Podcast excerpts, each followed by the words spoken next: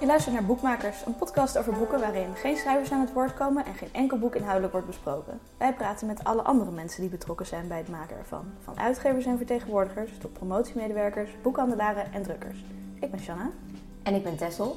En vandaag praten we met Meerte Spiteri. Even een kleine introductie. Na een uh, studie Nederlands en een master redacteur-editor kwam je als stagiair terecht bij Kluitman, waar je uh, het imprint Blossom Books op kon richten.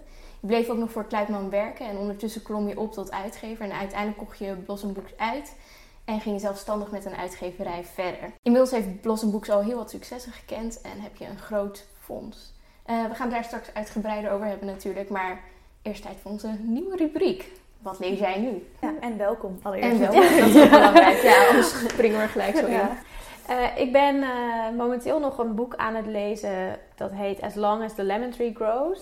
Dat uh, heb ik een preempt opgedaan voordat ik het überhaupt helemaal uit had. Dus ik ben het nog steeds aan het lezen en mijn preempt is gelukkig wel geaccepteerd. En het is een verhaal over de Syrische burgeroorlog. En, van een meisje van 18 die daar medicijnen studeerde. En toen brak de burgeroorlog uit. En aangezien er veel te weinig artsen waren, was ze na een jaar medicijnenstudie gekwalificeerd oh, wow. om amputaties en weet ik veel wat allemaal te doen. Dus je volgt haar in het leven in Syrië en hoe erg het is. En ook haar hoop om via een boot naar Europa te kunnen vluchten. Maar wat betekent het op je, om je land achter te laten? En uh, het is heel heftig. En hartverscheurend en vreselijk, maar ook heel hoopvol. Ondanks alle ellende zit er toch heel veel liefde in het verhaal tot nu toe. Ik ben nog niet helemaal klaar, maar het is, het is wel heftig. Ja. Maar uh, Linda, onze redacteur, heeft het ook gelezen. En zij heeft ook vrijwilligerswerk gedaan met Syrisch vluchtelingengezin. En we hadden allebei zoiets, dit willen wij zo graag uitgeven. Dus toen heb ik een preempt gedaan. Het is ook in alle landen tot nu toe of gepreempt of met een enorme veiling verkocht. Ja. En het wordt een beetje vergeleken met de vliegeraar uh, oh ja. of de bijhouder van Aleppo. Maar is het dus ook een boek dat gericht is op een jonger publiek? Of nou ja, het is, ze, ze, het is eigenlijk... In eerste instantie zeiden ze dat het een young adult was. Maar omdat het ook ja, op die, met die andere boeken vergeleken wordt... zeiden ze we hopen dat je als uitgever ook de wat meer volwassen lezer kunt aanspreken... Uh, dus ik denk dat het echt zo'n, ja, misschien een beetje uh, de jongen in een gestreepte pyjama waarvan... Ja, dat iedereen... Ja, dat leest. iedereen het leest. Maar omdat de hoofdpersoon 18 is, zou je het heel goed voor jongeren uh, op de markt kunnen brengen. Maar ja. ik denk dat wij het wel veel breder zullen brengen. Maar ja, ja het, is, het is echt heel heftig en gruwelijk, maar ook heel mooi. Ja, ik vind het heel interessant. Zeker. En wat, wat voor boeken lees je als je jezelf zou moeten typeren als lezer? Ja, het vervelende is dat ik dus bijna geen tijd meer... Ja, je leest dus alleen maar voor werk. En als het niet iets is wat ik voor Blossom Books uitgeef... dan is het bijvoorbeeld wel iets waarvan... waar een enorme hype omheen is. Dat ik denk, goh, ik moet toch weten wat er, wat, wat er zo speelt. Maar ik heb dus wel een abonnement op Storytel... om als ik hierheen fiets of waar dan ook... Uh, naast de podcast die ik luister... dan ook nog een boek te kunnen luisteren. En dat doe ik wel altijd voor mezelf. Uh, maar ik hou zelf als ik dan, ik hou wel erg van historische verhalen, historische romans. Ja, ik had laatst het Hoge Nest geluisterd. Oh ja, die heb ik ook geluisterd. Ja, echt zo tof. Uh, ik heb heel veel van Arthur Chopin gelezen. Dat ja, vind ik eigenlijk gewoon heel fijn. Maar ik ben heel erg fan van het boek van, van de correspondent. Um, Hoef je niet te zeggen hoor. Ja, nee, het is zo. en... Um, maar het voordeel van werken bij de correspondent, er komen maar vier boeken uit. Dus dan heb je heel veel ruimte. Ja, precies. Ja, om heel veel andere dingen te lezen. Ja, en ik was dus zo gefascineerd door het succes van de Zeven Zussen. Dat ik op een gegeven moment dacht... Ik wil gewoon, ook al is het niet binnen mijn genre... en zou ik normaal gesproken niet heel snel zo'n enorme hype... van een, van een andere doelgroep oppikken. En nu dacht ik, ik wil gewoon... Al lees ik maar één boek, ik wil weten wat het is. En ik vind er van alles van, maar het is ook zo verslavend. Ik kan gewoon niet. Ik wilde meteen door, dus dan ben ik meteen doorgebinged tot ik weet ik veel deel, tot deel, uh, wat is het, zes of zo had geluisterd.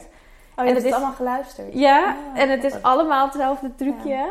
ja. ik heb ook het eerste boek ge gelezen uiteindelijk. Ja, maar ik het werkt ook van, zo ik moet goed. weten waar dit ja. uh, over gaat. En nog steeds denk ik, ja, ik, heb toch wel, ik wil toch wel weten hoe dat afloopt. Ja. Dat- ja. Hm, Ja, misschien moet ik er dan toch ook maar een keer aan. Ik heb nog boeken liggen van een vriendin die op bezoek was en ze niet alle drie die pillen mee terug kon nemen naar Nieuw-Zeeland. Dus Ja, Ja, het is gewoon een briljant concept. Het Ja. werkt gewoon zo goed. ja, Daarvan denk ik ook, je kan ervan vinden wat je wil. Maar ze heeft gewoon iets briljants neergezet. en mensen lezen. En ja, en mensen lezen. Dus ik denk dat we vooral daardoor... ja, het is, gewoon, ja, het is gewoon echt heel knap. Mhm, zeker. Ja. En je, je, je, je zei net van je luistert dus vaak en, en voor je werk lees je dan vooral van papier of lees je e-book? Nee, e-books. Ja, je, je krijgt het toch Ja, vaak Digitaal binnen. ja. En voor het bestaan van de e-reader, toen ik nog bij dan Kluitman werkte, dan moest je het dus echt printen. En dan zat je met zo'n pak papier en dan het omslaan. Dus ik ben blij dat ik nu alles op een e-reader kan lezen. Maar het neemt dus wel een beetje het genot weg van met een boek lezen. En dat, dat heb ik Mhm. eigenlijk bijna nooit meer. Ja. Ja. Gek wel als je toch binnen de boekenwereld werkt. Ja. ja. En eh Tessel, wat, eh, wat ben jij nu aan het lezen? Wat ben ik aan het lezen? Ehm, nou, ik heb eigenlijk net een boek uit, dus ik ben nog niet per se in iets nieuws eh, begonnen. Behalve dat ik kan zeggen dat voor onze boekenclub eh Hanna Oh ja. Avond aan het lezen zijn. Ja, Ehm, wat erg ambitieus is, maar het, eh, we gaan gaan deze ons- één hoofdstuk per, per keer dat we afspreken. Oh ja. Oh. we werken ons er gestaag doorheen. Maar ik heb net eh, Song of Achilles van eh Madeline Miller gelezen. oh ja. Dat was wel... eh, ik hou heel erg van de hervertellingen van mythe en dan liefst een beetje feministische Ja. tintje erbij. Dus dat eh heel fijn. Ja. En jij? Ja, ik was net eh, begonnen in het boek eh, Ooit aten we dieren van Roanne van Voorst. En eh, nu ben ik me heel erg schuldig aan het voelen als ik iets van zuivel eet. Want het gaat dus over hoe verschrikkelijk de bio-industrie is. En Ja. eh, dat, dat- nou ja, ik was al gestopt met vlees eten, maar dan denk je van, ah ja, maar een plakje kaas, dat kan toch nog wel. En dan zit ze, ja, maar alle, alle ehm, stiertjes die worden meteen naar het slachthuis gebracht, want dat is een restproduct van de melkvee-industrie. Dan denk ik, oh nee. Echt? Ja. Oh, Ja. moet ik het ook lezen. Ja. ja. Ja, dus ehm, ja, het is wel een impactvol boek tot nu Ja. toe. eh, ondanks dat ik pas de eerste 50 pagina's heb gelezen. Maar daar hou ik dus wel van. Ja, het is ook echt goed geschreven. Het is echt leuk. Ja, het leuk klinkt gek nu wat ik net heb. Ja. wat ik heb. Maar het is gewoon heel toegankelijk. En Ja. ze neemt je echt zo mee in de, ja, de ontdekkingstocht die zij zelf heeft gemaakt. Ja, Nou ja, wat dat betreft ook best wel een eh, correspondentig boek misschien. Ja, ik ben ook echt aan de lopende man tegen mensen aan het zeggen. Ja, maar ik las in, hoe gaan we dat uitleggen? Oh ja. En dan kom ik met dingen. Dus dat kan met dit boek dan ook. Ja, precies. Daar dat hou ik van. aan Ja, je een beetje wijs kan over doen. Ja. ja. Ik wilde ook trouwens nog even zeggen voor de, voor de luisteraar. Als je denkt, jongen, wat was, deze, wat was dit gesprek goed te horen. Wat geweldige audio-kwaliteit. We hebben nieuwe microfoons. Ik ben er heel trots op. We moeten het nog wel even monteren en dan zien we het wel. Maar Nou, laten Ja. we hopen dat het goed komt. Ja, anders knippen we dit er gewoon weer uit. Maar ja, laten we dan misschien eh, even het hebben over waarvoor we, waarvoor we hier zijn. Namelijk dat jij gewoon, eh, ja, we, we hadden het er in de auto nog over. Dat we eigenlijk best wel eh, onder de indruk waren van als we jouw cv zo oplezen. Namelijk dat je op vrij jonge leeftijd eigenlijk Blossom Books, als we het allemaal goed hebben begrepen, hebt opgericht. En, eh, dat, eh, ja, en vervolgens dus ook eh, als bedrijf hebt kunnen starten. Dus we waren eigenlijk heel benieuwd of je daar misschien wat meer over kan vertellen. Hoe dat, ja, hoe dat allemaal is gegaan toen. Ja, kijk, ik was toen stagiair en uitgeverij Kluitman was echt uitgeverij voor serieboeken voor lezers tot 12 jaar. En de directeur zei toen, we willen graag de lezers langer vast kunnen houden. We willen, hij wilde graag een imprint voor lezers, ja, voor young adult, wat toen echt heel erg opkwam. Want Ja. ja, nou ja, ik denk dat dat een beetje zo vlak voor Twilight was, of misschien met Twilight. Maar toen was het nog niet echt als een leeftijdscategorie aangeduid. Maar je zag wel dat er zo iets aan het verschuiven was. En toen was de redenatie daar, jij bent het jongst, dus jij weet vast wel wat jongeren willen lezen. Dat was gewoon eigenlijk het idee. Dus toen mocht ik me daar een beetje mee bemoeien en ik mocht een naam verzinnen. En, en het was, nou ja, doe allemaal maar je ding. Maar toen Hoe uiteindelijk was je toen? 24 Ah. denk ik. Maar ik werd gewoon super vrijgelaten. Dus het was Mhm. ook niet dat ik heel goed was in wat ik deed. Maar het was gewoon, ja, jij bent, dit is jouw project. En toen eh, stond dat. En toen was mijn stage afgelopen. En toen dachten ze, ja, nu hebben we een imprint. Maar wat gaan we er eigenlijk mee doen? En toen werd ik teruggevraagd om ervoor te zorgen. Ik had allemaal social media en zo opgezet om dat dan nog in leven te houden. En Mhm. eigenlijk ja, is toen het balletje gaan rollen. En als je dan toch op een gegeven moment alle boeken moet acquireren en ja, dan... Maar was dat ook al vanaf het begin zo? Dat jij ook mocht meebeslissen of beslissen welke boeken er uitgegeven werden? Ja, eigenlijk besliste ik alleen Oh. welke. Ja, dan moest ik wel tegen de uitgever zeggen van nou, ja, ik weet niet. Het is allemaal best wel vaag ook gegaan, denk ik. Want ik moest gewoon zorgen dat er ongeveer 12 boeken uitgegeven werden. Maar ik kreeg geen budget of zo, weet je wel. Ik moest gewoon ja, dat in leven houden of zo. Maar hoe, hoe begon je dan?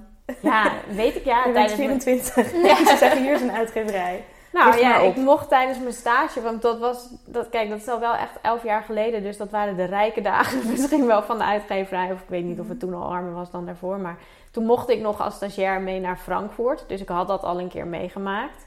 En toen had ik dus al heel veel catalogie gezien en boeken opgevraagd. Nou ja, en dan ga je dat lezen en dan, ja, dan, dan werd me uitgelegd hoe een calculatie werkt. En dan ga je calculeren en denk je, oh, nou dit kan. En dan zeg je, mag ik een bot doen? Ja, is goed. En dan wordt er wel meegekeken. Ja, ik weet niet, je rolt er gewoon vanzelf een beetje Mhm. in. En het was wel zo dat toen moest ik de eerste keer een omslag begeleiden. En de productiemanager die was toen een beetje zo van... Ja, je werkt hier toch al zo lang? Hoe kan je nou deze fout maken? Ik zei, ik werk hier helemaal niet lang. Ik heb dit nog nooit gedaan. Want Oh, ik ja. was dan vergeten...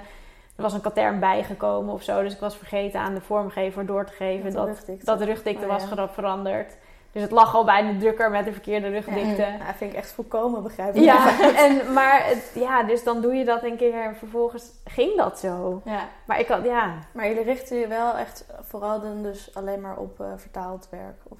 ja toen wel. En, er, en, want toen was het ook, toen was schrijven voor adults ook nog niet echt zo'n enorm ding. En je merkte wel dat er toen wat volwassenen waren die wilden voor jongeren schrijven, maar die gingen dan heel kinderlijk schrijven. Nee. En je kreeg kinderboekauteurs die dachten, ik ga ook wel voor volwassenen, maar dat was het dan ook net niet. En veel, er waren natuurlijk al, al auteurs, maar die zaten al bij gevestigde uitgeverijen. Waarom zouden die naar zo'n nieuw imprintje gaan, zeg maar? Mhm. Dus er was heel veel vertaald. En dat is pas de laatste jaren zijn we Ja. steeds meer Nederlandse auteurs gaan uitgeven. Want je moet eerst wel, denk ik, een naam opbouwen voordat, voordat Nederlandstalige auteurs zich ook bij je willen aansluiten. ja, en ondertussen heb je, ben je ook nog gewoon bij Kluitman blijven werken. Heb je ook nog andere dingen of richt je vooral op Blossom Books daar? Eh, nee, toen deed ik ook de redactieprocessen van de boek, of de, de redactie eigenlijk van de boek voor 10 plus. Maar bij, kijk, ik moest voor Blossom Books deed ik alles. Dus de acquisitie, het redigeren, de marketing. Ik zeg maar, ik was gewoon een eilandje Ja, daar. Jij was Ehm, Blossom Books. Ja. Ja. Dus er was niet heel veel tijd om er nog heel veel naast te doen. Ja. ja. Maar wel nog wat 10 plus boeken heb ik daar gedaan. Ja, Ja. oké. En toen uit- uit- uiteindelijk ben je, of ja, ben je zelfstandig geworden. Hoe, hoe is dat gegaan? Of, en waarom wilde je dat? Want ik kan me ook voorstellen dat er voordelen zitten aan. Ja, nou, ik wist eigenlijk niet eens dat ik dat per se wilde. Ik had wel een keer, ik mocht dan ook altijd met de directeur mee naar eh, van die innovatiedagen en zo. En toen zat Oscar van Gelderen van de Bouwschool, die zat daar een keer op het podium, was toen uitverkozen tot uitgever van het jaar. En toen was ik 25 of zo, dacht ik, ooit wil ik daar zitten. Ehm, en hij zei toen, ja, ik snap niet waarom ik hier zit. Ik ben al zo'n oude lul. En eh, er moeten, waarom zit de jongere generatie hier niet? En toen voelde ik me zo aangesproken dat ik dacht, oh, ik wil dat. Maar verder wist ik helemaal niet, had ik geen doel of zo. Behalve dat ik een keer daar op dat podium wilde zitten. Maar de directeur die kwam op een gegeven moment naar me toe. Die zei, ik ga bijna met pensioen. En dan ga ik alles verkopen. Ik kan Blossom Books aan jou verkopen als je wil. Of het gaat mee, zeg maar, in de grote Mhm. bulk. En toen dacht ik, oké, ik heb een aantal keuzes. Of ik ga onder een andere directeur werken aan Blossom Books. Maar ik had heel veel vrijheid gekregen. Ik mocht echt, ik mocht zoveel zelf doen. En Ja. ik, ik, je wist Ja. niet hoe dan de toekomst zou worden. Of ik zou weggaan en bij een andere concurrerende uitgeverij binnen hetzelfde leeftijdscategorie blijven werken. Maar dan zou ik dus, ik had al zes jaar bezig met Blossom Books opbouwen. Dus dan zou ik ergens anders dat weer een soort van tegen proberen ten gronde te richten of zo. Zo voelde dat dan. Dat dat dan niet naast elkaar Ja. kon zijn, maar dat je dan, dan ga je je concurrent van mijn eigen baby. Of ik dacht, oké, ik ga het doen. En ik had echt geen idee. Maar ik dacht, ja, dat was dan voor mij eigenlijk de enige optie. En ook omdat ik een filosofie heb dat je eigenlijk spijt moet hebben van de dingen die je wel hebt gedaan dan de dingen die je niet hebt gedaan. En ik wilde gewoon niet dat het, zo, dat het zou voelen als had ik überhaupt maar Ja. geprobeerd of, of het kon en of het zou lukken. Ja. En, ehm, en toen ga je investeerders zoeken en ik had echt geen idee. En een be- bedrijfsplan schrijven en allemaal van die boeken gekocht. Hoe koop je een bedrijf, weet je wel, dat soort dingen. Oerzaai. Ja, en ja, toen was het gelukt.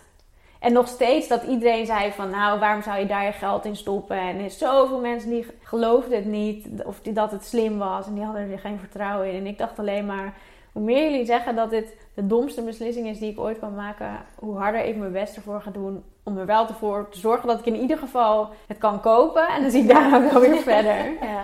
Ja. Maar het klinkt dus ook dat als, als er niet eh dat aanbod was gekomen, dat je misschien gewoon nog daar bij Kluitman had gezeten. Of Ja, dat denk ik wel. Ja, als de directeur niet met pensioen Nee. was gegaan of zo. ja, zo, dat kan, zo kan het lopen. Ja, en misschien dat ik wel. eh, Je snelt eens naar buiten met wat aantekeningen onder de arm.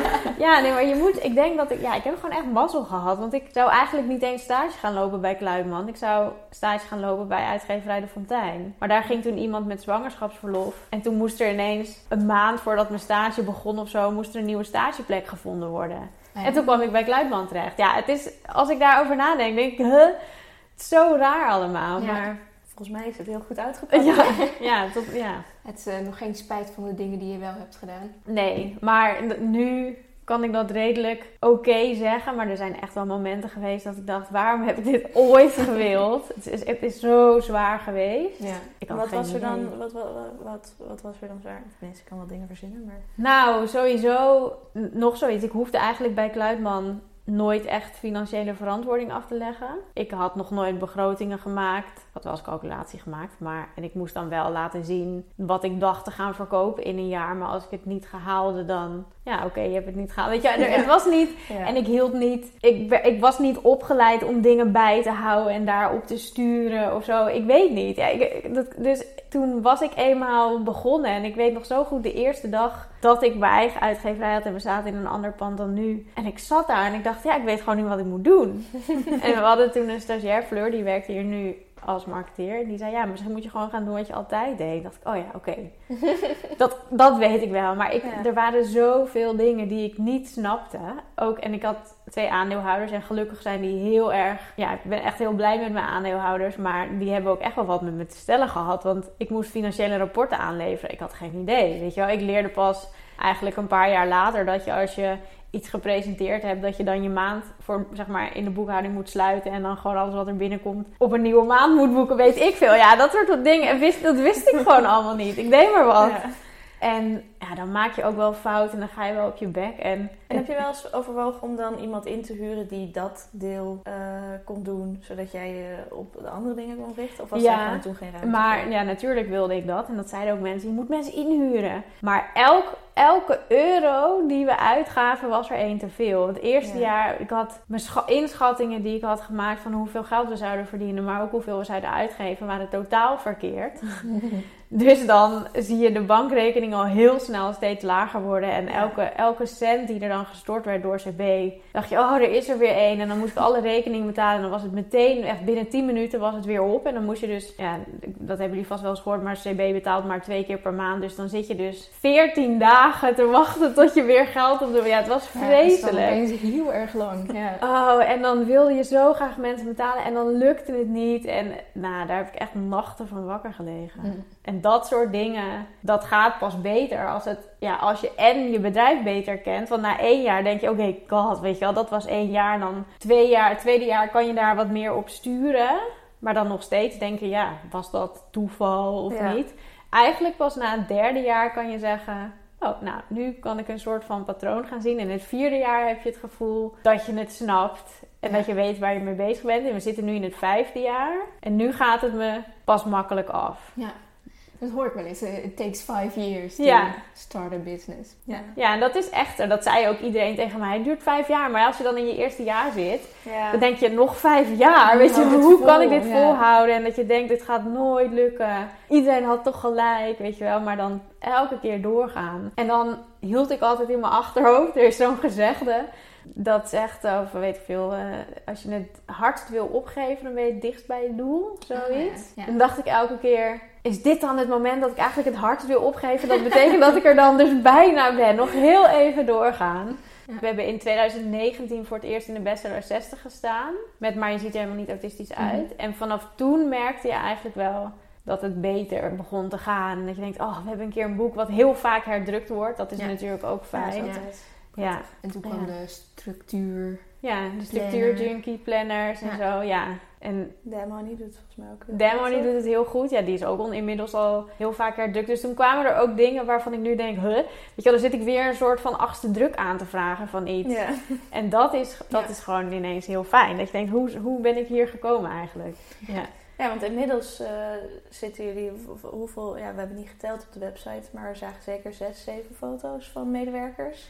Ja, we hebben nu... Ik begon dus met mezelf en één redacteur. De rest waren stagiairs. En nu heb ik een online marketeer, gewoon een marketeer, een ondersteunende medewerker en een redacteur. En er zijn nog drie mensen die voor ons inpakken en, en schoonmaken. En eh, dat zijn eh, s- studenten en scholieren. Want jullie hebben ook een eigen webshop. Ja. En, en wat doen jullie dan? eh, want de boeken moeten natuurlijk ook eh, gecorrigeerd en gemaakt. En, en het zijn ook echt niet copy-paste boeken die jullie maken. Eh, hebben jullie dan freelancers daarvoor die eh, productie en zo doen? Of doen jullie dat zelf? Eh, nou, productie doe ik altijd zelf. Ik heb ook me vaak afgevraagd waarom daar een bedrijf een apart persoon voor is. Maar nu we wat meer boeken doen, begin ik het wel te snappen. Dat ik denk, oh ja, maar er zijn heel veel dingen dat ik leuk vind om zelf te bepalen. Welk papier gaat erin? Wat voor omslag komt er? Weet je wel, dat soort dingen. En eh, als er Nederlandse manuscripten zijn, dan lees ik altijd één versie. En Linda, de redacteur, leest altijd één versie. En vertalingen wordt eigenlijk helemaal uitbesteed. Dus de pers klaarmaken en de drukproef. Eh, tegenlezen doen we wel binnen huis, maar dat doe ik eigenlijk allemaal niet meer. En begeleiding van Nederlandse auteurs hebben we nu voor het eerst één project uitbesteed. Maar verder doen we dat eigenlijk ook helemaal intern. Mhm. Dus als er meer Nederlandse auteurs bij gaan komen, dan moeten we Ja. wellicht ook weer extra op de redactie. Maar Nee, als verkoop binnen- en buitendienst. En... de verkoop eh, wordt geregeld door Nieuw Boek Collective. Dat is een, ja, dat kennen jullie eigenlijk wel, denk ik. Ja, maar dat is- misschien alsnog handig om uit te leggen voor de... Het is een, ehm, een bedrijf die eh, de verkoop eh, of de vertegenwoordiging doet naar voor kleinere uitgeverijen en zelfstandige auteurs. En als beginnende uitgeverij is dat perfect, want er, dat is ook weer een hele kant Ja. van, van het bedrijfsleven waar ik dacht, ja, pff, geen idee, kortingen onderhandelen en zo. Ik weet niet eens, ik wist wel dat het ongeveer Ja, gemiddeld dan 45% is als je over een jaar kijkt naar, eh, maar ja, wie dan wat krijgt, weet ik veel. Dat, eh, Ja. die staffels en dat soort Ja. dingen. Ja. En we lazen ook dat jullie in 2017, toen was Querido Kind voltallig eh, opgestapt bij Querido. Of ja, bij Single uitgegeven. Ja. Ik weet niet precies hoe. hoe- Bij WPG. Bij ja. WPG, oh, bij ja. WPG. En toen heb, heb- hebben jullie dat overgenomen. Nou ja, ik, ik heb het niet echt overgenomen, want er waren gewoon 160. Waren het er 160? Nou, heel- nee, niet 160. 60 denk ik. Ik weet niet meer. Heel veel auteurs waren er. Ja. Ja, niet uitgeversloos, waren niet Ja. werkloos, maar wel uitgeversloos. Maar ook echt grote namen. Ja. En er waren zes, zeg maar zes mensen werkloos. En mijn aandeelhouders die hadden dat ook gezien en ik had dat ook gezien. Ik dacht, dat kan toch niet? Waar moeten zij dan heen? Dus toen heb ik, ben ik gaan praten. Zei ik, ja, jullie kunnen onder ons een imprint oprichten. Eh, uitgeverij Emmanuel werd dat. Zodat in ieder geval de auteurs verder konden met waar ze gebleven. Ja, het en was niet heel abrupt gebeurd ook, toch? Of- ja, er, ik weet, er, er was een soort geschil ontstaan bij WPG, maar daar weet ik het bijna niet meer van. Dat kan je vast nog wel terugzoeken als je Ja, het gaat... eh. Ja. en toen hadden ze in ieder geval weer een plek. En al vrij snel daarna, nou niet al, toch wel een paar maanden, eh, toen was er iets opgelost tussen Single en WPG, geloof ik. En toen heeft Single het over kunnen kopen van ons. Maar alles waar we mee bezig waren. En ja, ik zie mezelf niet echt als. Ja, ik ben nooit hun uitgever. Ik heb gewoon ervoor gezorgd dat ze door kunnen gaan met het werk wat ze deden. Maar En wat was er dan nodig? Want dat is voor mij. Want wat, eh, waarom hadden ze dit dan bijvoorbeeld nodig om verder te kunnen gaan ten opzichte van dat ze gewoon zelf zeiden: nu zijn wij een uitgeverij? Ja, je, ja, je, je kan, ja, je hebt best wel, je hebt natuurlijk, ja, het gaat om de kleine dingen als geld en investeerders die projecten kunnen voor financiering als een aansluiting bij het Centraal Boekhuis en om ISBN-nummers aan te vragen. Dus je hebt eigenlijk, ja, je hebt meer nodig dan je denkt. Je kan, die, die zijn met z'n zessen, dat waren ook geen ondernemers die de wens hadden om met z'n zessen een uitgeverij te starten. Dachten, ja, we precies. vinden boeken maken heel leuk, maar de rest mag iemand anders doen. Ja. Ja, oké, dan snap Ja. ik het iets beter. Nou ja, ik weet nog dat ik, dat ik dat las op Boekblad of zo. En dacht echt, oh, wat tof dat je dat gewoon eventjes zomaar doet. Ja, het was wel echt een heftige periode, want ik ben echt net begonnen. En wat ik net al vertelde, dat was ook nog echt in het begin. En dan heb je al amper enig idee. En dan is er ineens, zijn er zes mensen bij. Ja, Dus ik vond het ook heel fijn dat het... Of, nou ja, heel fijn, dat klinkt alsof ik er vanaf wilde. Maar ik vond het, het was gewoon een mooi verloop hoe het ging. Ja, dus het was eigenlijk de, was fijn dat jij ervoor kon zorgen dat ze weer verder konden gaan. Maar het was ook niet vervelend dat, het daarna weer, dat ze daarna weer bij de... Nee, eh, nee, dat heb ik nooit zo... eh, als, ik heb het nooit echt als, als een enorm verlies gezien. Zeg maar van, oh shit, nu ben ik ze allemaal weer kwijt of zo. Nee. Ja. Ja, en ik snap ook wel dat uiteindelijk is het ook goed om een focus te hebben of zo. Van wat je, Ja. waar- wat je het belangrijkst vindt, Ja. waar, je, waar je heen wil. Ja, en dan is natuurlijk ook de vraag hoe groot wil je eigenlijk uiteindelijk worden? Want op zich is er niks mis mee met een niet al te grote Nee, uitgeverij ja. hebben. Voor mij, het was echt wel een enorme stap ineens. En ik vind het heel tof dat het, weet je, wel, dat het zo is gegaan. En ik ben er nog steeds heel trots op dat, dat we dat hebben kunnen doen. Mhm. Maar ik denk dat het voor Blossom Books beter is geweest dat we ons daarna weer hebben kunnen focussen op de rest. Ja, Want ik heb nog heel veel ondersteunend werk ook toen zelf. Ja, we hadden toen gewoon één redacteur en één marketeer. Dus ik deed enorm veel zelf. Maar als je dan ineens ook alle administratie van zes personen erbij moet Ja. doen en zo, dan, dan kom je bijna niet meer aan de andere dingen nee, toe. precies. Ja. Ja, ja, misschien moeten we het dan ook even hebben over waar het om gaat, namelijk het fonds. Van wat, ja, jullie hebben, als, we- als wij zaten te kijken, hadden we het idee dat jullie eigenlijk een soort van twee lijnen hebben. Dus heel veel eh, meer fantasy, young adult-achtig. Ja, nou ja, dat zijn young adult boeken natuurlijk. Maar, eh, en eh, meer, ja, wat we net ook al even noemden van de structuur junkie. Mhm. Een reeks met boeken over mentale gezondheid. En, ja, en, en dan bijvoorbeeld dus ja, meer die damn honey-achtige Mhm. dingen. Eh, dus we waren eigenlijk wel heel benieuwd van, nou ja, hoe kies je wat je wil uitgeven? Wat is leidend? Of heb je dus ook heel erg voor ogen van, nou nu hebben we natuurlijk die klassiekers erbij. Van, we willen deze drie lijnen. Of eh, gaan jullie meer te werk van, dit vinden we vet, dus dit willen we hebben. Nou ja, we zijn natuurlijk in onze DNA, in hart en nieren, en ben ik een young adult uitgever. En Mhm. dat is Blossom Books ook altijd geweest. Maar op een gegeven moment kwamen er boeken voorbij waarvan ik dacht, ja, dat past dan net niet bij ons, maar ik vind het te vet om het te laten lopen. Bijvoorbeeld, dat was bij, maar je ziet er helemaal niet autistisch uit. Die kwam in mijn inbox en dacht ik, ja, maar dit is zo vet. Ja, het is dan niet echt in young adult, maar moeten gewoon kijken of we dit kunnen doen. En dat was hetzelfde met Let's Focus, een boek over fotografie. En toen begon ik ineens een soort verband te zien. Toen dacht ik, hé, hey, dit zijn boeken voor, ja, ik noem het onze millennial boeken. Boeken een beetje voor lezers van 20 tot 35. En toen hebben we daar een imprint voor opgezet. Blossom Books Bold, waarin we dus brutale boeken, dat klinkt zo walgelijk, maar wel boeken uitgeven waar, waarvan we willen dat het tot nadenken zet.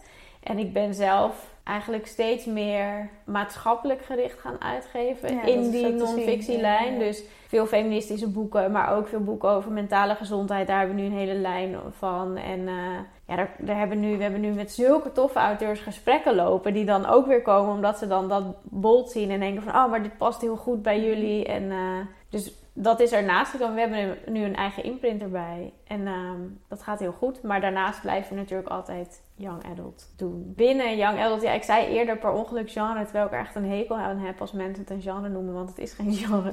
want je hebt binnen young adult, Ja, in leeftijdscategorie heb je heel veel verschillende dingen. Mhm. En daar is het echt mijn bedoeling om voor iedere jongere die een boek wil lezen te kunnen zeggen: Ik heb iets voor je. Of dat zeg ik, hou niet van lezen, om dan te kunnen zeggen: Ik Mhm. heb iets. Dus we hebben fantasy, maar we hebben ook thrillers. Ja, we hebben span, ja, Ja. ehm, nou ja, liefdesverhalen, van alles.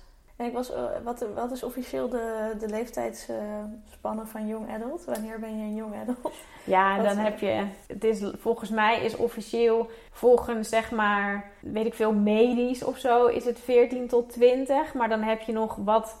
Welke personen lezen het? En dat is geloof ik 15 tot 25. Maar vanaf 13 ga je het ook al lezen en Ja. zo. Ja. Maar ja, weet ik veel. Ja, ik vind het wel grappig. Want Ik zeg gewoon 15 plus. Ja, want als ik terugdenk aan eh, de middelbare school, dan was het voor mij in mijn herinnering helemaal niet een ding of zo. Dat er Maar boeken... dat was ook nog niet heel erg, Nee, althans. Dus ik las dan allemaal boeken waar je dan zo de helft van begrijpt. Ja, Eh, het heeft mij eh, gelukkig niet eh, belemmerd. maar... ja mij wel dus. Ja? Ja.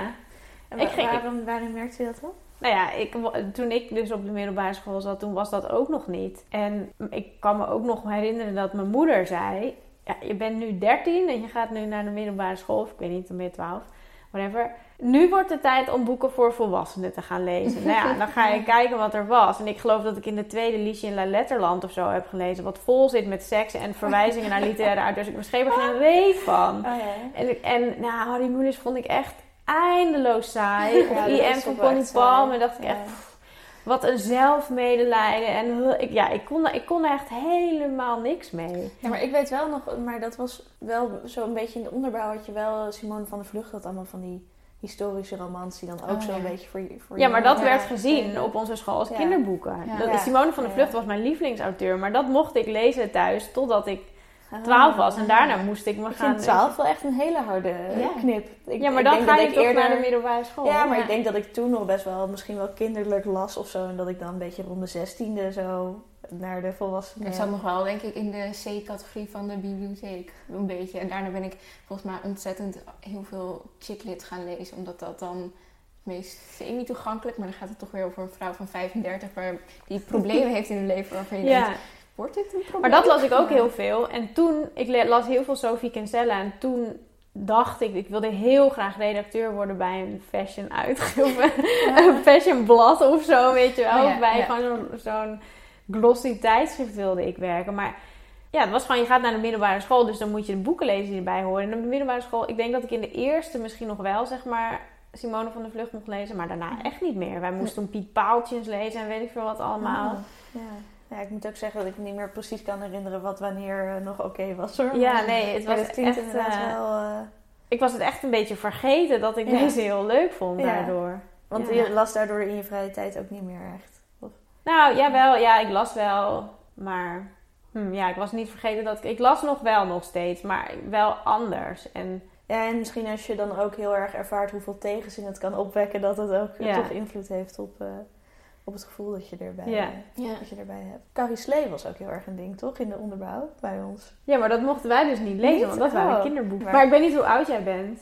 Ik ben eh, 28. Ja, ik ben 35, dus dan is er wel... Ja, kan Ja, zijn denk dat er ik net alweer- een ander idee Ja, precies, ja. eh, Dat het toen al wat liberaler was. Of eh, ik ben ook opgegroeid in Alphen aan de Rijn, daar zijn de potenties allemaal niet zo hoog. Nou, ik kom uit Hoorn, ik weet niet of daar... ja, dat zal dan wel een beetje hetzelfde zijn. ja, ik weet het niet. Maar ja. En als jullie nu eh, dan eh, gaan kijken wat je wil uitgeven, waar ga je dan op af? Eh, doe je nog, volgens mij nog steeds redelijk veel vertalingen ook? Ehm, Eh, nou, we hebben voor YA hebben we wel echt steeds meer Nederlandse auteurs. Ja, er moeten wel boeken komen, dus als we Ja. geen Nederlandse auteur wordt het een vertaling, maar de vertalingen worden wel steeds minder. En het is je eigenlijk het ook leuker om gewoon een Nederlandse auteur te hebben? Of is dat niet of beter? Ik, ik vind alle twee heel leuk. Van een Nederlandse auteur kan je natuurlijk helemaal vanaf het begin en dan meegaan in het proces. En dan kan je nog eens zeggen van, oh nou, misschien toch dit personage er wel of niet in. Of, en, maar ik vind het ook heel leuk om mee te kunnen gaan. Zeg maar, we hebben nu die boeken van Lee Bardugo, The Christian Verse. Dat komt allemaal op Netflix en dat wordt enorm groot verfilmd. Echt enorme budgetten zitten daar Ja. volgens mij achter. De, en dat vind ik dan ook wel weer lekker, dat je daar helemaal in kan verdwijnen in die grootsheid van zo'n serie. Mhm. En dat gaat dan met een Nederlandse auteur. Natuurlijk kan dat ook heel groot worden, maar dat is anders. Ja. In die Amerikaanse of in die wereldwijde hype, dat je daar dan in mee kan gaan. Dat vind ik ook heel leuk. Dus Ja. Hoe lastig is het dat, eh, dat toch veel YA-lezers naar mijn idee ook vaak gewoon het origineel, de Engelse editie, lezen? ja, dat is heel lastig. Ja. Ja, als ik kijk naar de top 100 van best verkochte boeken in een jaar, dan staat soms de Engelse editie hoger dan de Nederlandse editie. Ja. Wat gewoon gemiste verkopen zijn. En het is ook echt steeds meer geworden. En aan de ene kant snap ik het natuurlijk wel, want als je goed Engels kan lezen dan, en de boeken zijn goedkoper, dan kan je dat. Dan kan je dat doen. Maar wat heel pijnlijk is, is als je dus met jouw uitgeversbudgetje een event organiseert en voor Ja. duizenden euro's een auteur naar Nederland vliegt en daarin investeert en echt veel geld aan kwijt bent en dat vervolgens allemaal lezers met hun Engelse boeken komen, wil je deze signeren? Ja, dan sta je echt te huilen van binnen dat je denkt, ja, dat zijn allemaal boeken die ik niet heb verkocht om en ja, Ja. maar wij hebben altijd, wij zijn heel erg transparant geweest naar onze lezers toe. We hebben altijd gezegd, tuurlijk mag je in het Engels lezen, maar besef dan wel dat er dan misschien geen geld is om een auteur naar Nederland te halen. Of nou ja, soms dan merk je dat ze, dat ze niet heel goed het Engels machtig zijn. Het, het Mhm. Engels tegenwoordig is heel hoog. Ja. Maar soms merk je gewoon dat, dat er dan toch dingen gemist worden. En je kan, nog, je kan heel goed zijn in Engels, maar de taal is, staat wat verder van je af. Dus soms kan je ook dingen missen. En ja, wij zeggen altijd, of wat wij proberen duidelijk te maken. Maar wat wij, ja, wat wij hopen dat onze lezers doen, eh, is de boeken die wij in het Nederlands aanbieden in het Nederlands lezen. En daarnaast is er nog zoveel keuze in het Ja. Engels. Lees die dan allemaal in het Engels, maar dan helpen ze ons er ook mee om die auteur naar Nederland te halen of toffe dingen te organiseren. Ja, lezen de echte fans ook niet eh, gewoon dubbel? Als in, ik heb Harry Potter dan wel altijd zo eh, eerst in het Ja. Engels en daarna nog een keer in het Nederlands terug. ja, dat gebeurt ook wel. Ja. Dat ze dan de Engels al hebben, maar dan alsnog de Nederlands kopen. En wij hebben ook wel, dat is wel heel fijn, we hebben een soort van hele trouwe lezersgroep of echt wel fans. En die Mhm. Kopen dan onze boeken in het Nederlands omdat het van Blossombooks is. En dat is echt, ja, dat is... Dat is wel echt een compliment. Ja. Want ik denk dat er weinig eh, uitgeverijen zijn waarbij, waarbij de, de consument ook echt denkt van... Oh ja, dat boek moet ik hebben, want dat Ja. is van die- Nou ja, de correspondent. De correspondent, verder- ja. Maar verder zou ik het niet zo snel wilde niet bedenken. maar- Nee, nou, dan doe ik het even. Ja. Ja. Nee, ja, dat is wel zo. En dat, en dat helpt ons ook wel heel erg. En daar ben ik zo dankbaar voor. Dat we die positie hebben. En je hoopt gewoon dat het goed blijft gaan. En nou ja, dan helpen Nederlandse auteurs ook heel erg. Want die kan je niet lezen in een andere taal. Nee. Dus dat Ja. is dan ook En wel... die hoef je ook niet eh, voor duizenden euro's naar Nederland meestal te Nee. laten vliegen. Dus Nee, precies. Nee. Ja, want ik was daar ook nog wel benieuwd naar. Dat zouden we eigenlijk later bespreken, maar nou ja, we kunnen wel even omruilen. Eh, want in, in, in de young adult boekenwereld eh, is volgens mij wel ook het contact met de auteur en, en meet and greet en handtekeningen en zo allemaal heel belangrijk. Ik heb ook eh, een tijdje voor het ILFU International Literature Festival Utrecht Mhm. gewerkt. En ik weet nog dat we toen ook zo'n eh, jongerenfestival. Jalfu. ja, hadden.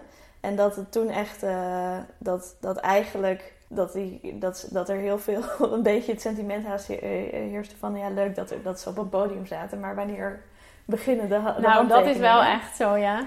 En, en ik was wel benieuwd, eh, hebben jullie, merk, hebben jullie er nu nog veel last van met corona? Of merk je echt een groot verschil? Of eh, zijn jullie op zoek naar andere manieren om dan alsnog zoiets te... Ja, we hebben natuurlijk... We deden veel events. En ook wel eh eh, Jalfest samen met eh Beste Voyer. En dan sloten andere uitgeverijen daar zich ook weer bij aan. Dus we- het was gewoon echt wel zo dat jongeren hun favoriete auteurs kunnen ontmoeten. Eh, Mhm. En dat ligt nu al een tijdje stil. En het voelt inderdaad alsof we daardoor misschien minder contact hebben met de doelgroep. Dus soms denk ik ook wel eens van ja, zouden dan... Stel dat er volgend jaar een auteur naar Nederland komt, moeten we dan weer helemaal opnieuw beginnen met jongeren, zeg maar, de lezers enthousiast, maar kijk, deze auteur komt. Of is iedereen dan zo blij dat er weer een auteur naar Nederland Ja. komt? Dat, dat weet ik niet. ja, ik denk het laatste eigenlijk. Ja. Ik denk, Ja, ik, Ik hoop bedoel, het.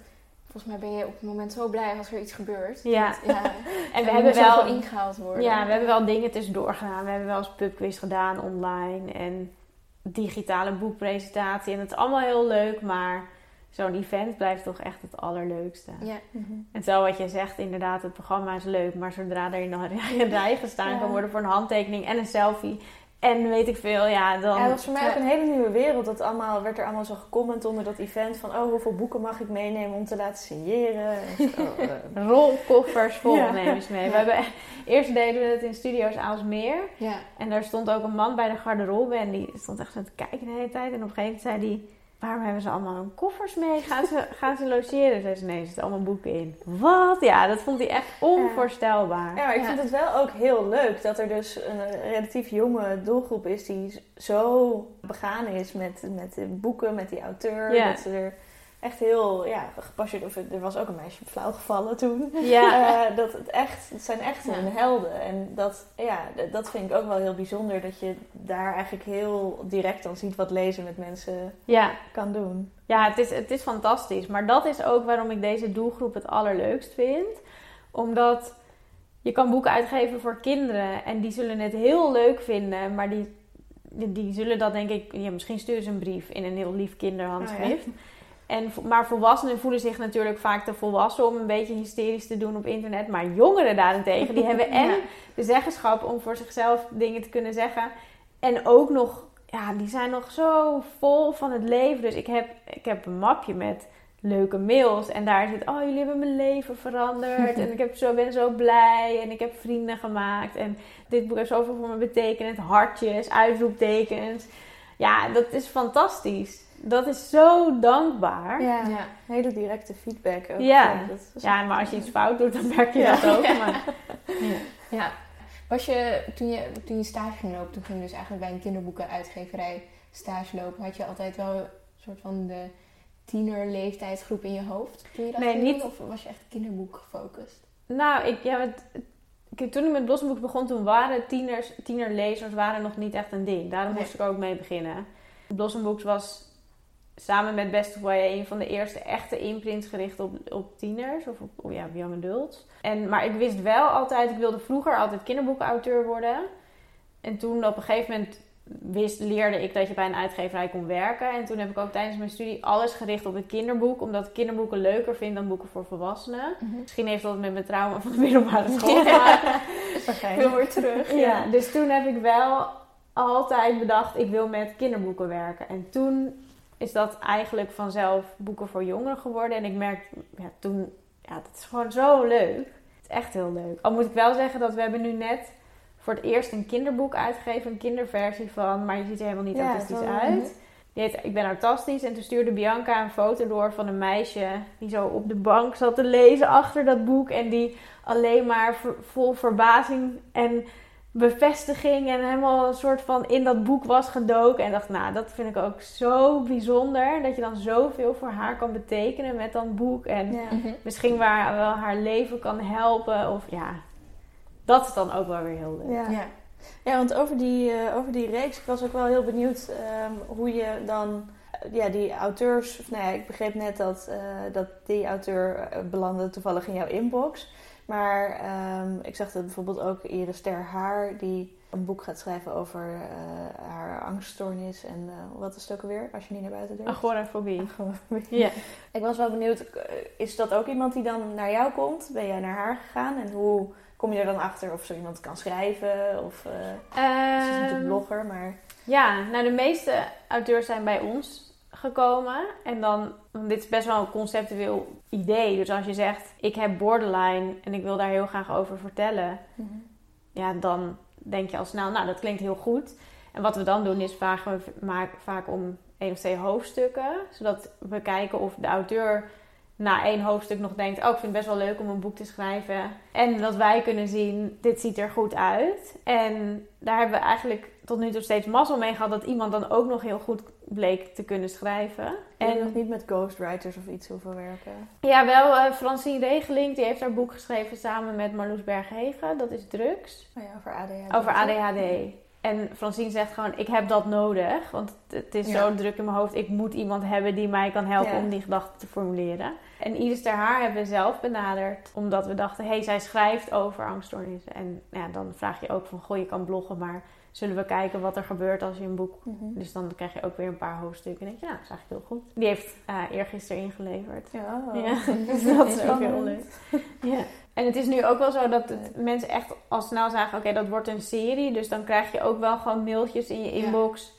Hey, ik heb dit. Mag ik ook, mag ik ook een boek erover schrijven? En ja. als iedereen uh, naar, naar het luisteren dus uh, jou mailt, uh, mag iedereen dan een boek schrijven? Wat, wil je nog graag toevoegen?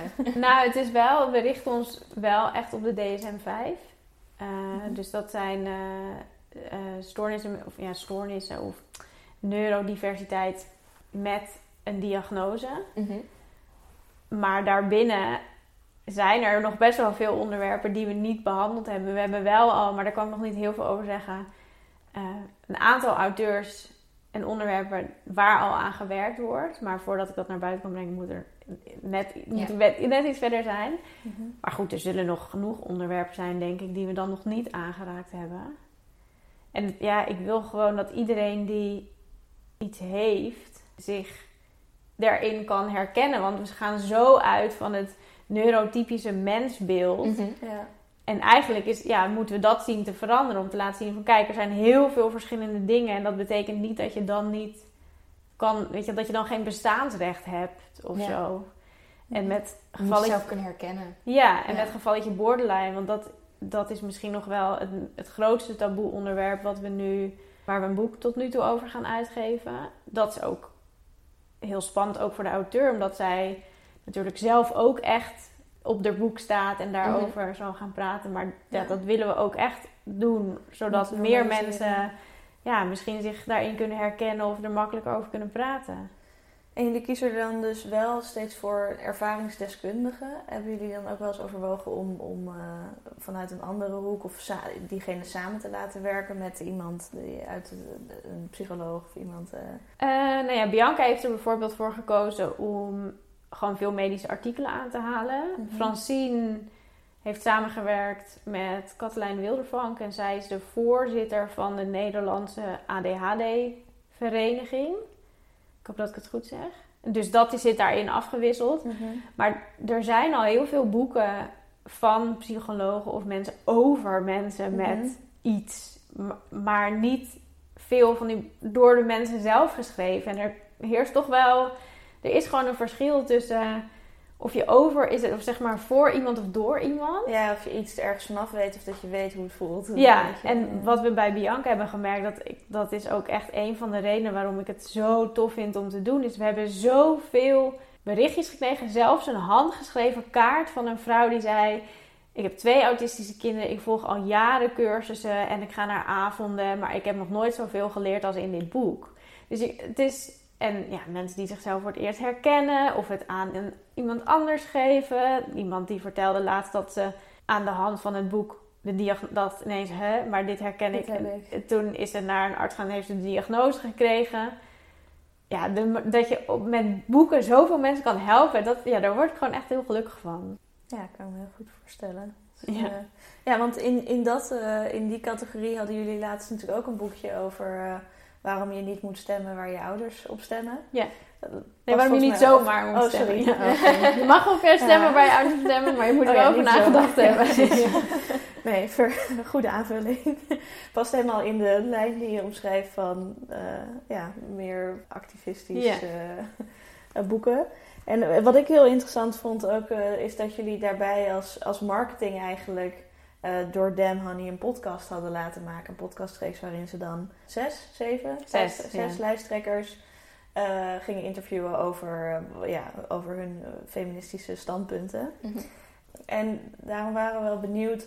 Dit is denk ik best wel een, een ja, een soort vorm van adverteren die ik eigenlijk nog niet echt vaker heb gezien. En ja, we waren ook wel benieuwd of je dus met voor young adults eigenlijk ook op hele andere plekken gaat adverteren of gaat kijken hoe je ze kan bereiken. Of, uh, ja, deze credits gaan niet echt naar mij, moet ik zeggen.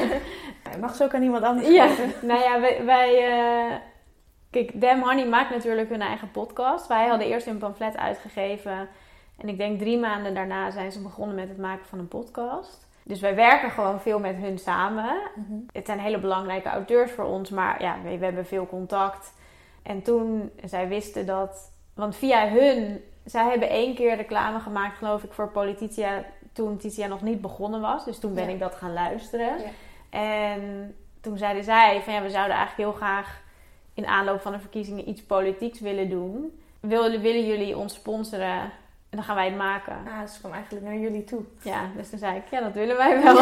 ik dacht wel, oh, wat een goed idee. Ja, het was een, wel een heel goed idee. Een hele, soort van irritant structurele oh, reclame. En, uh, en ik dacht, ja, het leek me heel effectief, maar... Het was ook wel effectief.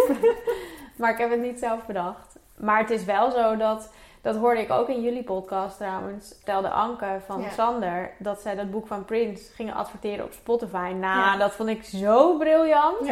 Dus ik meteen hier. Hebben wij nog een boek dat we kunnen linken aan, uh, aan een liedje op Spotify?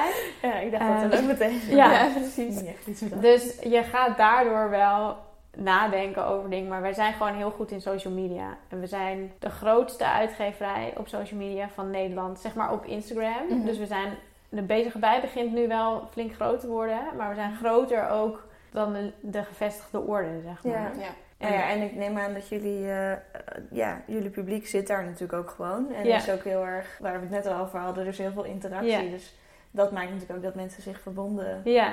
voelen met jullie. Ja. En we hebben sinds uh, eh, 1 maart eigenlijk pas een online marketeer erbij. Net is ook wel de bedoeling dat, dat zij misschien ook met net zo'n briljant idee als Anke komt. Van, uh, hey, laten we gaan adverteren op uh, weet ik veel waar. Ja. ja. want je zei net, we hebben een marketeer en een online marketeer. Maar wat, doet, wat doet dan de ene en wat doet de ander? Ja, Fleur is, doet PR en marketing en, mar en dan met name...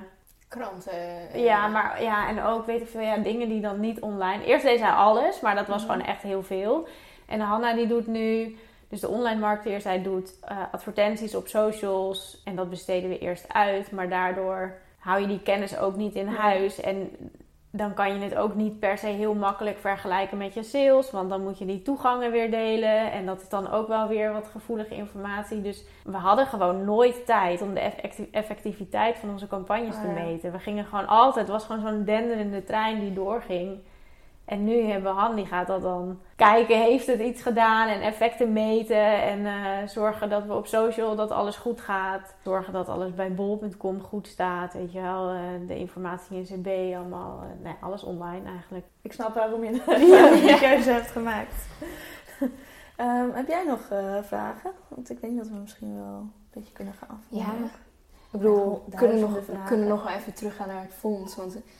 Um, was op zich nog wel benieuwd in hoeverre je naar de VS kijkt. Omdat voor mijn idee YA daar toch wel het grootst is. En dat uh, je veel trends hebt als own voices en diversity die, wat ik hoor, niet altijd aanslaan in Nederland.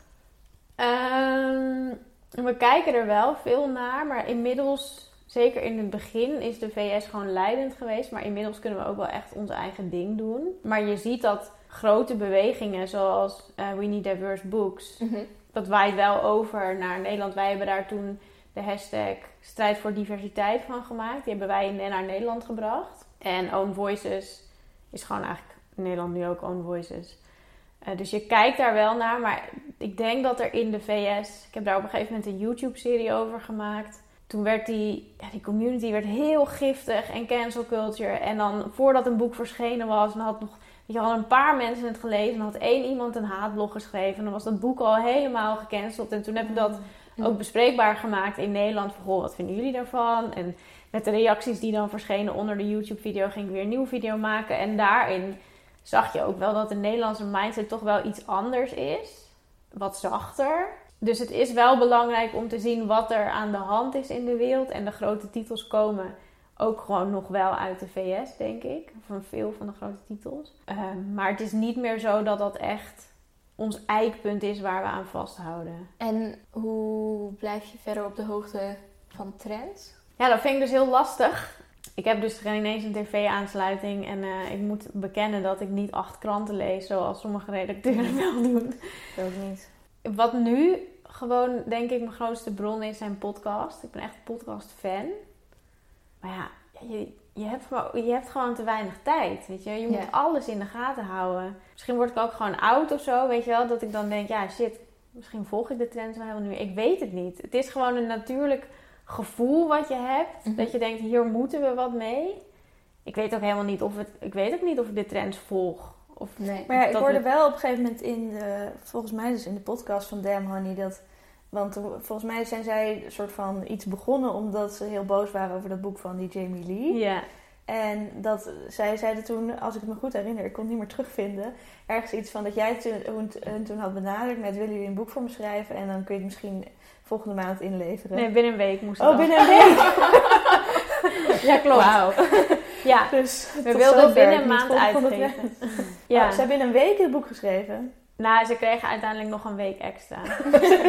schappelijk. Binnen twee weken, ja.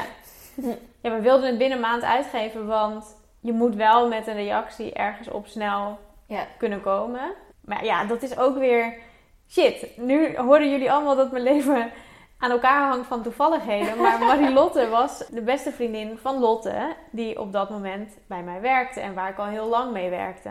Dus ik kende Marilotte, had ik ook wel vaker gesproken en ik volgde Marilotte ook op Instagram. En Lotte zei s'morgens, oh heb je al gezien dat uh, Marilotte en Nidia vandaag een dag gaan leven volgens de regels van Jamie? Nee, echt? Kijken, hartstikke grappig natuurlijk. Ja. En toen dacht ik, ja, misschien kunnen we wel een boek maken en dan een Lotte vragen. Denk je dat ze dat leuk vinden? Ja, ja, misschien wel. Ja, moet je doen. Ik ga, me er, niet, ik ga er niet tussen zitten. Nou, dan ga je ze benaderen. Dus die lijntjes waren gewoon heel kort.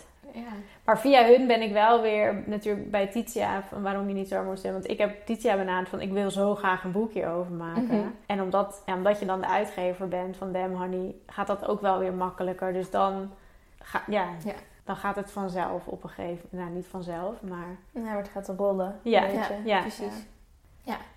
En het is ook niet alsof je daar niks voor gedaan hebt natuurlijk. De afgelopen jaren. Nee, maar om ik weet niet. te komen dat, je, dat, dat het kan gaan rollen. Ja, en laatst, ja, maar toch voelt het voor mezelf nog steeds dat ik denk, ik doe maar wat. Ja, ik heb geen idee, weet je wel. Ja, dat ik hier ben gekomen, ik heb, pff, dat het me gelukt is. Ik weet niet hoe. Ik, ja, ik weet niet. Ik moet, ik geloof het gewoon soms nog steeds niet. Nou, dan dat zeg is ja, jij van jij, de podcast. je zegt, ja, je hebt er hard voor gewerkt, maar... Ja, ja, ik heb wel echt heel hard gewerkt en ook heel veel, maar ik heb nooit... Maar is het niet altijd dat je, tenminste, ik heb ook altijd de illusie gehad van, oh ja, maar als ik daar kom, dan kom ik erachter dat iedereen echt precies weet waar hij mee bezig is. En dan kom je erachter van, oh, die mensen weten het eigenlijk ook niet. En dan kom je weer ergens aan. Dat had Klaas Dijkhoff toch ook in zijn afscheidsspeech gezegd of zo. Van, Nou, die die heb ik niet gezien, maar... nou ja, nee, ja, ik weet, ik weet niet. Maar die, die had toen ook zoiets. Ja, dit is echt zo ho- gehoord van gehoord. Maar die had volgens mij ook gezegd van, nou ja, dan kom je in de Tweede Kamer. En denk je, nou, nu kom ik ergens. En dat is echt allemaal zo goed georganiseerd en gestructureerd. En iedereen weet daar precies wat hij aan het doen is. Nou, en dan kom je er ook achter dat mensen, ja, gewoon maar wat aanmodderen. En dan kom je bij Europa. En dan denk je, nou ja... eh, dus eh, zelfs Nou ja. als je de politiek in gaat, eh, doet iedereen maar gewoon wat. Ik heb erg veel zin om daarover te zeggen dat het is gebleken inderdaad dat iedereen maar wat Ja, aanmoedigt. maar, ja. maar nee, ja, je, misschien is dat wel zo. Misschien heeft iedereen het gevoel, ik doe zomaar wat. Maar toch denk ik, als ik dan naar andere uitgevers, ik weet niet, dan denk ik, die weten echt wel waar ze mee bezig zijn of zo. Ja, maar misschien heb je gewoon een, een eh, hele goede intuïtie dan. Ja. Ja, nou ja, dat hoop ik dan maar. Plus, van jou heb ik ook het idee dat je echt wel weet waar je mee bezig Ja. bent. Dus dat- ik bedoel, Ja, dat is Ja. ook wel natuurlijk de projectie van de ander. Ja. Ja. Ja, en ik weet ook wel, ik, perspectief. Ja. ik heb ook wel, bijvoorbeeld met Bold heb ik heel erg het idee, ik wil maatschappelijke boeken uitgeven en ik moet iets kunnen bereiken daarmee. En dus ik heb wel een doel en ik heb wel een idee, maar hoe je daar dan komt, geen idee. Ik doe maar wat. Zeg maar, dat, dat is een beetje hoe het voelt. Ja, en misschien moet je jezelf dan nu binnenkort uitnodigen bij de Damn Honey podcast. En dan heb je meteen al een minst feministische. Ja, precies. Ja. Het, is, het is geloof ik een typisch gevalletje van het imposter syndroom. Ja. ja. ja. Nee, ja, nee. Ik doe niet aan mezelf uitnodigen. Ja, nou ja, ik denk dat we dan eh, moeten eindigen met we zijn het niet met je eens. en eh, bedankt dat je te gast wilde zijn. Ja, ik vond het heel leuk. Bedankt dat jullie me wilden interviewen. Ja, ehm, nou, vond je dit een leuke podcast? Volg ons dan op Instagram, Boekmakers. En laat natuurlijk een review achter op iTunes. Dat helpt ons onder andere gevonden te worden. En als je dan toch bezig bent, volg ook even Blossom Books. At Blossombooks. Nou, zo simpel kan het zijn. Eh, tot, eh, tot de volgende keer. Tot de volgende keer. Doeg!